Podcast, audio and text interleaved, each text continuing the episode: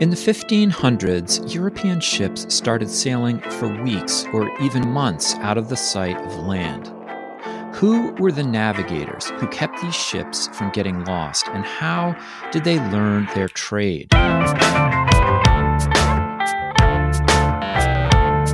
It's time to eat the dogs. I'm Michael Robinson. Today, Margaret Schotte talks about how sailors were trained to do the difficult and dangerous work of navigation in the early modern world. Schotte is an assistant professor of history at York University. Her book, Sailing School Navigating Science and Skill, will be published with Johns Hopkins University Press. Margaret Schotte, thank you for talking with me today. Thanks. I'm excited to be here. So I was wondering if you could take us through the typical day of a navigator at sea. I know you talk about a, a fairly long period of time over a number of countries, but I was just wondering if there are some common aspects. What would a navigator be responsible for on board ship? All right. Well, so early modern navigators, in some ways, are the most important figures on board the ship because they're the ones who are responsible for keeping this boat safe um, so the definition that I like to use of navigation is how do you get a boat from one harbor to another uh, quickly and also safely? One of the interesting things about navigating at this time is you don't know what you're going to be dealing with. You have an ideal day and then you have uh, reality. So a navigator who's using celestial navigation, um, navigating by the heavens, his main moment in the day would really be noon when he would be trying to catch that moment, taking a number of observations uh, slightly before noon when the sun is uh, reaching its apex, and then a couple more afterwards, and then finding the middle point. And then he could say with confidence, okay, that's noon. Mm-hmm. That altitude reading is uh, functionally equivalent to our latitude. So, latitude was the most stable, easiest to determine moment of his day. Um, but of course, he could miss that. Uh, it could be foggy, it could be raining, it could be just too rough to take his altitude readings. In that case, he would have to wait till the next day, or maybe try and do it at night with the North Star, mm. which was another another um, kind of stable point you were uh, making the point in your book that there were actually distinctions made between different kinds of navigation aboard ship, that there were small and large modes of navigation for those people sailing near the coastline and trying to navigate that versus uh, sailing on the open seas. I was wondering if are there different navigators for each type of navigation, and if so, was one type respected more than the other? Oh, that's a good question. So I think the real uh, important thing to think about in the history of navigation is the shift from when most voyages were small navigation, you know, up through the 16th century, most trade was coastal, but then with the European push across the various oceans, all of a sudden they are sailing with out of sight of land, um, and that's what they called great navigation or large navigation very early mm-hmm. like 1634 there's a record in some french legislation that said every boat should have three navigators and it was two for local navigation and one for great navigation i think in some ways uh, they had such different competencies the the local navigators were really memory men, right? When did you need to avoid a shoal that was, you know, treacherous? When would the tides become a problem as you approached this harbor? And then it became increasingly important to have the calculating kind of large navigation skill set. And so at that point, then you'd start to bring on a local pilot who could help you with your, you know, approach to the harbor. And, and more and more navigators really just worked on the celestial navigation. So I don't think we can break it down by one being more respected. I like I think I have found in my evidence that, you know, for instance, the Dutch respected their navigators or their sailors in general far more than say the French did. I think because so much of their economy ran at sea and they needed to respect their sailors. Yeah. And in the earlier stages in the 16th century, you do see kind of the men who are trying to put this knowledge, this um, traditional navigational knowledge, into print, they turn to practicing sailors and they say, "What can you tell me about this? How do you do your job?" So they they respect them enough to ask them for information. And then I'd say in the 17th century, they, the status of a lot of these navigators has declined. By the 18th century, really, there's not that same respect for the wise old sailor. Uh, again, it depends on which country, and that's that's the important thing about this study. How um, when we go to look at this problem of sailing, which is pretty universal. How do you get your boat safely from point A to point B? Everyone is is tackling that problem, but we find that the French approach it differently from the Dutch, and the English do it differently from the Spanish, um, even if they really all started with the same puzzle. Yeah, one of the things that I found really interesting about your book was you know my i guess my kind of simplistic knowledge of you know 16th, 17th century world is that there was a kind of rigid social order, you know, that Europe operated according to almost a kind of caste system, I guess, of nobility and clerics and commoners. But you give the impression that actually for the life of a navigator there was some social mobility. This this was a this was a place where somebody could make a name for themselves and move up through the ranks. Is is that true? I, I think you could say that, especially what I have found is in, in the Netherlands, if someone wanted to climb the ladder, you could do that by paying for lessons, prepping for the exams that would then let you kind of outcompete other men who are clamoring for the same job in mm-hmm. the long distance trade companies. In France, I have some examples of a boat where there are a lot of guys doing mm-hmm. navigation, and some are the lieutenants, the sort of officer class, and others are the pilots and the pilots' mates and the ship's boys. And they're all really doing the same thing, but the officer is getting paid three times mm-hmm. The amount for, for doing the same task. Uh, so I think I argue that really you could move up if you were literate, if you had a good sense of numbers and you know a good head for for mathematics, that was a better route up the ladder, but only so far. Um, certainly in the French Navy. So yeah, uh, I think you know a social engine up to a point, depending on which country. yeah. Um, so what what are the ways that I mean? You talk about how there are there is a variety of ways that a navigator would learn his trade. Some of them uh, as a kind of apprenticeship, but then increasingly there would be more uh, print learning, school learning. I was wondering if you could just take us through some of the ways that a navigator would. I mean, I know uh, this is very general, and you actually talk about many specific places, but um, but you know, maybe in the context of the Spanish, for example, who were the first to try to like figure this out, um, how how would a navigator learn his craft? Sure. Well, we actually have a great account of, of these early Spanish uh, exams for the pilots or navigators. Um, so it's a really rare window into sort of 16th century training. And what is so strange is that you really have an apprenticeship trade, right? For centuries, sailors have just been learning by going to sea. It takes years to become an expert. And then all, then we are all of a sudden finding that you need to sail with the stars and that's theoretical, abstract. You need to be able to calculate. How do you teach these illiterate guys some of this theory. So there's a group of cosmographers in Spain, and they say, "Well, we'll teach you the way we learned in university." Yeah. Uh, so they really they bizarrely take this kind of university book learning model where you're going to drill someone orally and then examine them, and they expect pilots to go to school. Um, and that's the model that then spreads north. The Amerigo Vespucci is the first um, piloto mayor who basically says, okay, I'm going to examine these pilots and make sure that they know this theoretical stuff. And then we start to see these Spanish teachers also publishing textbooks. And when those textbooks get translated into French and into English and Dutch or Flemish, you really have that kind of spreading of this university model, which I call, call the kind of cosmographical model. And so it is, I'd say, the 16th century and early half of the 17th century is a case of convincing people that it's worth learning from books, that books can teach you something, and come to a classroom and you're going to get something that you wouldn't otherwise um, get in your apprenticeship on board ship. And yet, you also say that there's there's pushback to that too, right? There are people who are questioning whether this um, primarily theoretical approach to navigation is is the way forward, especially with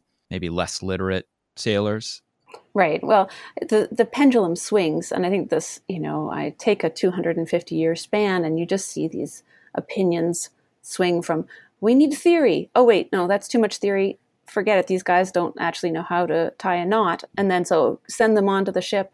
Oh wait, you know, they're getting gunned down in war. We can't have them learn on board a ship. We need to get them back to the classroom. So, you know, uh, some of that is the happenstance of politics and, you know, is there a war happening? Um, what does the current monarch think about classroom versus naval training, things like that. And others, I think, is actually how effective are the teachers? How influential are the publishers? You know, so sometimes you're going to get people in a classroom because it's a great teacher. And so I think then that tips the balance of the pendulum back again. So that's kind of unexpected and interesting side effect of taking a book history approach to to the history of navigation. Yeah, on on this issue of books, I found it your your book is really interesting in looking at um, navigation as a way to kind of examine a, a bunch of different things. One of which is the emergence of print culture. And I was wondering if you could talk about why you think print culture in particular is so important within the practice of navigation. Sure. Well, this one of the reasons I embarked on this project was because there's this really great history of Tudor and Stuart navigation by D.W. Waters. Um, and it's very thorough and fascinating. But at the end, he says, well, all of these early books were never read by sailors, they were just read by gentlemen.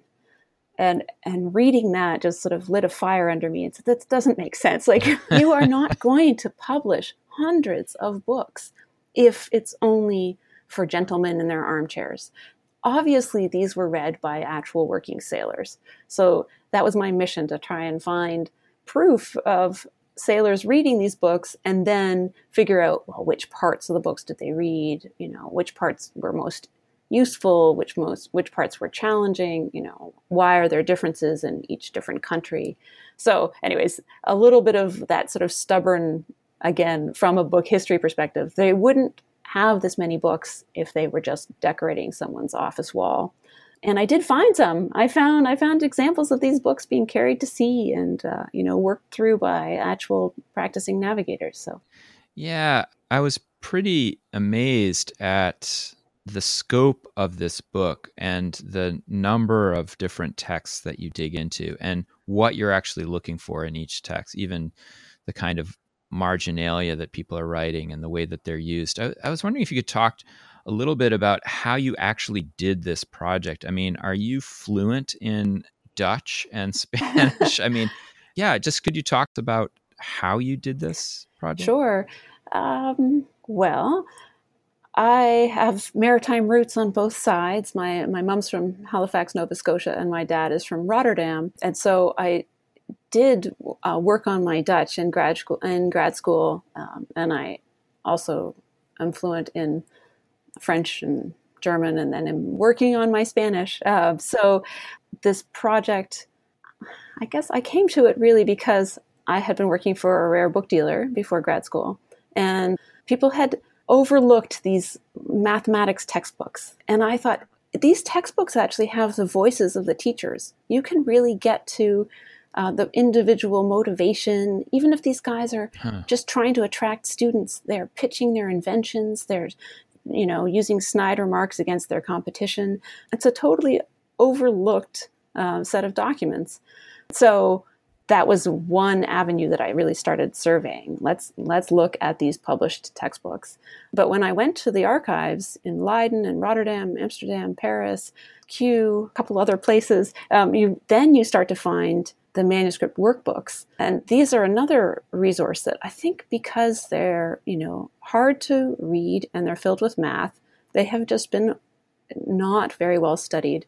And so they're fantastic. You know, you, you can actually look at these textbooks or these manuscripts, and the Dutch especially are very good at crediting, well, this is from Gietermaker, or this is from the Vloog textbook and page 33, question number 11, right? Mm. They will cite page, um, these references. So it, uh, that's quite fantastic. The British and the French are much less um, good at documenting, but again, I think that tells you something about the classroom practice. So that's that's interesting too. So I guess to zoom back to say, how did I approach this project? It was a cast a really wide net, collect as many examples as I could, and then look for patterns, look for which questions came up in each country, or you know which. I like to look at the printed book and then the manuscript copy and see. Well, you have examples where someone will say, I skipped those easy questions because he already knew them. So then he's going on to the more challenging section of the textbook. Others you find, well, they're working through the questions that are going to be on the exam. This is really an example of teaching to the test, right? Once the once the Dutch East India Company um, exam got published, then students would pay um, a reduced rate to go and take lessons just to help them pass their exam.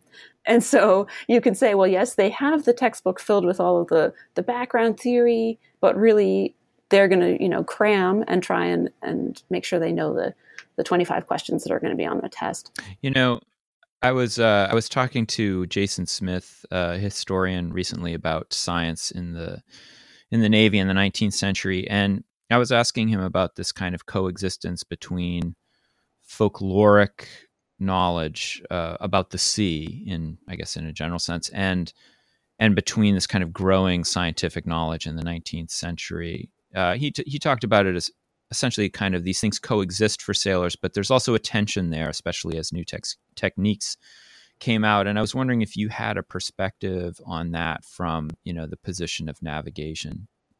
Well, actually, I, I loved your interview with him. It was fantastic. Um, but I took issue with this idea because for him, I think folklore lasted until the 19th century and science started then. And in my book, I'm trying to say that this traditional way that we've looked at, say, the scientific revolution as an emergence of math and rationality from, say, the 16th century to the 18th is too simplistic. Mm. Um, I really think these sailors in the 16th century were already highly numerate. They had, you know, a great sense of math and calculation. They were already, you know, thinking kind of spherically um, and were great estimators, um, very precise, all of the things that we, we associate with the 18th century.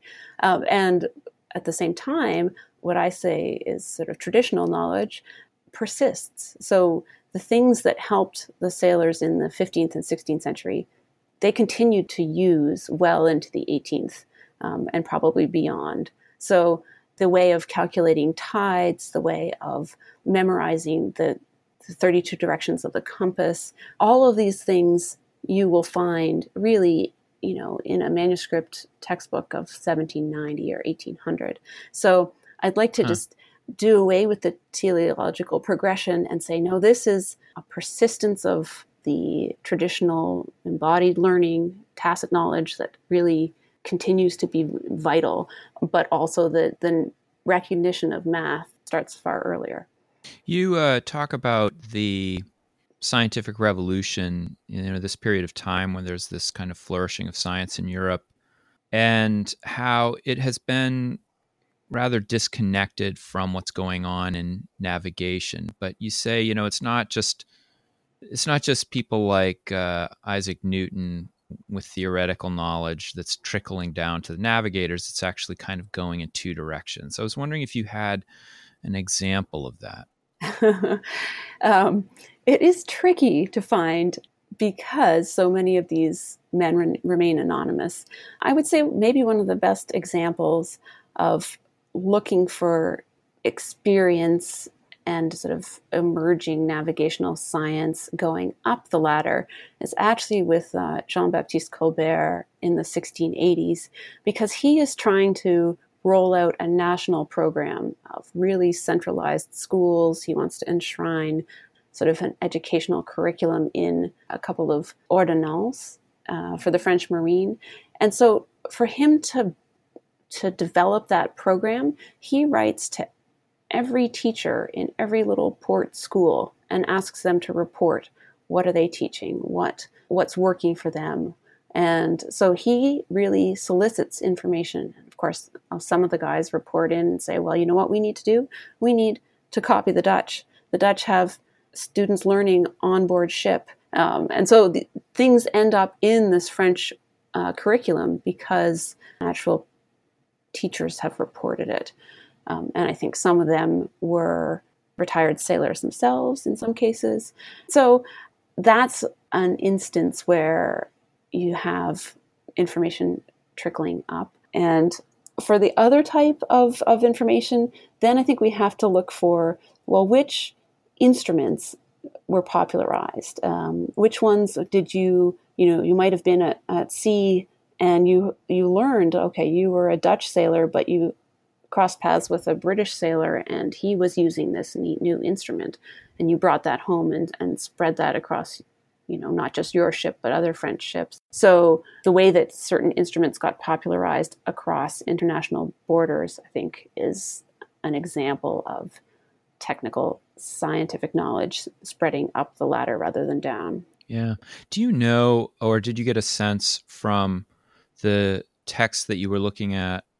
What was the social place of the navigator aboard these ships? And I know it probably de- depends a lot on which national context you're looking at. But uh, I was just thinking, wow, I, I bet you could read their place in so many different ways. Some people would look at them as these annoying, you know, geeky science people who knew nothing about sailing, but then they're kind of vital for keeping the ship from, you know, being lost at sea. So I, I don't know what what uh, what do you make of their social place aboard ship? Well, one thing that I have been asked before is how can you say that you know navigators are are essential when there's only one on each boat? And I'm like, no, no, this is not just the person who is the official navigator, but there's then rings of people around him that are in training to to become navigators. So some of those would be training because again, it's a, a way up the ladder, and you could have a better career if you were a skilled navigator. But it's just smart smart practice to have more than one person because there are records of boats where the navigator dies of scurvy or something, dysentery or something, and then all of a sudden, what's the boat going to do if if no one else can figure out which way is north? So um, you actually have these great moments, and we we started by saying the main uh, moment in the navigator's day is noon. So every day at noon, you were supposed to gather around the binnacle, which is you know the kind of compass housing by the by the mm-hmm. main ship's wheel, and there I from this from the documents, I have the sense that all the guys that were trying to learn how to navigate would get out their instrument, their quadrant or their backstaff, and they would take a reading, an altitude reading, and then they'd compare notes. And then I think um, if there was any disagreement about what the actual position was or what the route should be, then the highest ranking navigator called the shots, even above the captain. But I really think and this was again in that important French legislation, this noon uh, moment at the binnacle was really a kind of group lesson um, from the most experienced on down to the junior guys. Huh. So you have to tell us about the story of uh, Lieutenant Riou, who's the captain of the uh, HMS Guardian, who uh, in 1789 runs into trouble in the Southern Ocean. Um, I was wondering if you could just tell us a little bit about his story and, and how it connects to this broader story of navigation. Sure. Well, uh, you have to imagine this. This is a man who's 26 and has been really sailing since he was uh, 12 or 14. And actually, when he was 16, he circumnavigated uh, the globe with on Cook's last voyage.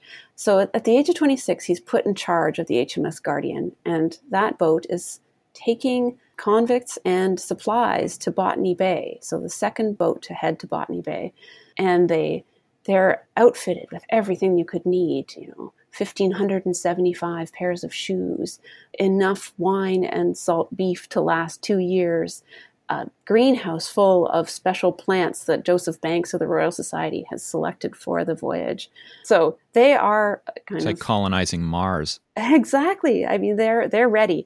Um, but unfortunately, when they head south from Cape Town in December 1789, they start to run low on water quite quickly. And uh, on December 22nd, uh, they wake up and see an iceberg. And so this is a tip uh, if you're ever in the southern Indian Ocean um, and find an iceberg. Get out of there. Sail the other way. um, but Riou did not do that. Riou thinks, well, you know, Cook once collected floating ice cubes from an iceberg uh, to reprovision, and we need some water. So let's just send out a little boat and collect some chunks of this iceberg.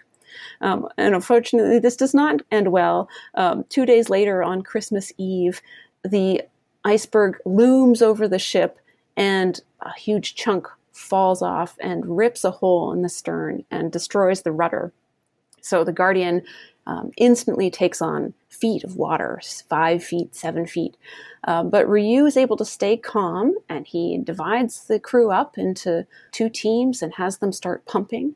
Um, some of them decide this is hopeless and get drunk and leap overboard. Um, but a good number of them do start, you know, bailing out the boat. So this goes on.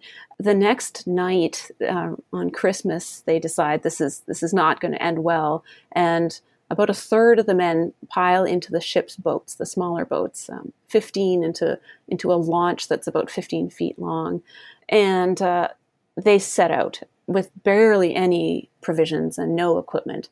But we we have a record of what happens on the uh, on this launch um, with the 15 men aboard. Because it's close to Christmas, they have a goose. They have somehow this cooked goose, uh, which is like a weird version of Shackleton's escape from Antarctica. exactly. this is time to eat the goose. they blindfold someone, and he is responsible for divvying up this goose and handing out the 15 portions so as not to betray any favoritism. Um, and over the, the ensuing week, they uh, share thimblefuls of rum. They try and catch rainwater in their handkerchiefs. They're reduced to drinking their own urine. Uh, things are dire. They are really expecting to die. Um, but lo and behold, a French merchant ship comes over the horizon and rescues them. So they make it back to uh, to Cape Town. And so the master, uh, the ship's master who is on board, writes a letter and it gets published in the London papers, um, which takes several months. And they say, uh, Alas, the Guardian has gone down. But it turns out it's not true. And three or four days later, so this is April of 1790, the, the London papers are filled with a new update which says the Guardian has been saved. So, really, um, after two months of bailing and trying to devise a new rudder and dragging a sail um, underneath the hull to try and patch it, Riou keeps calm. He keeps taking his observations. He pores over his maps, um, and they luck out. They catch a favorable wind, um, which carries them uh, westward, and on February 21st, so really two months after um, the first run in with the iceberg, he sees Table Bay, uh, he sees Cape of Good Hope, and he makes it back.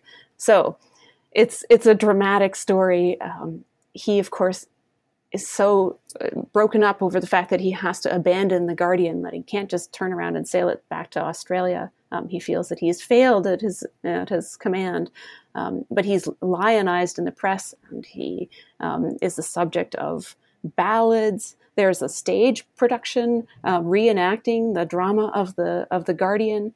So he he becomes a hero. This really um, is Shackleton's story. I mean, never makes it to his destination. It really. right. uh, unfortunately, there were a couple of sheep aboard the boat, and they have to get on to the next ship that passes through Cape Town. And so those um, the sheep finally make it to Australia, as do a number of the convicts. Um, and Riou argued that the convicts should be pardoned for their two months of hard pumping, and and a number of them are, but several of them actually die on the next voyage due to a very um, draconian captain on that ship. So it's a it's a torrid story. yeah. So what was Riou's?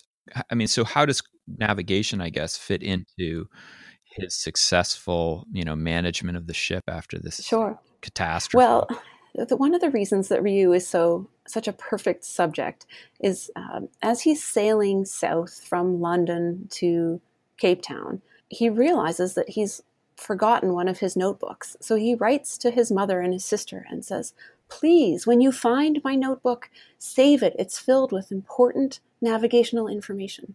Well, I've seen this notebook. It is not filled with important information. It's filled with sketches and doodles and bets with his buddies, you know. So, but this tells you what he's like. He's this meticulous record keeper.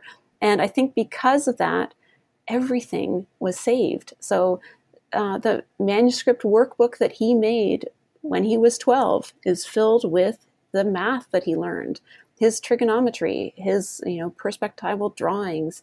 Um, so we have all of that, and then we have the official logbook of the voyage, and we have his rough notes. So it's a fantastic source uh, to really mm. understand some of his knowledge and experience and wisdom really did come from book learning, and then some of it came from sailing around the world with Cook, who was famously uh, intellectual and and yeah. up on the latest instruments and and techniques for longitude finding and things like that. So I think when you say how did how did Riou survive, it was exactly the hybrid that the whole book is trying to to tell us about. You know, you can't learn to sail just um, at you can't learn this sophisticated kind of navigation, this mathematical celestial navigation, uh, just by an apprenticeship nor can you learn it just uh, in a classroom. So Riou is really that figure that lets us see both sides of his training.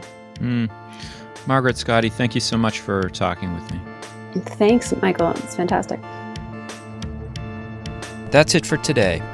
The music was composed by Zabrat Make sure you check out the Time to Eat the Dogs website for podcast links and other exploration related stuff. And if you get the chance, please take a minute to rate and review the show wherever you get your podcasts. It really helps make the show visible to new listeners. And if you want to recommend a guest or make a comment, feel free to contact me at time to eat the dogs, that's one word, lowercase, at gmail.com. See you next week.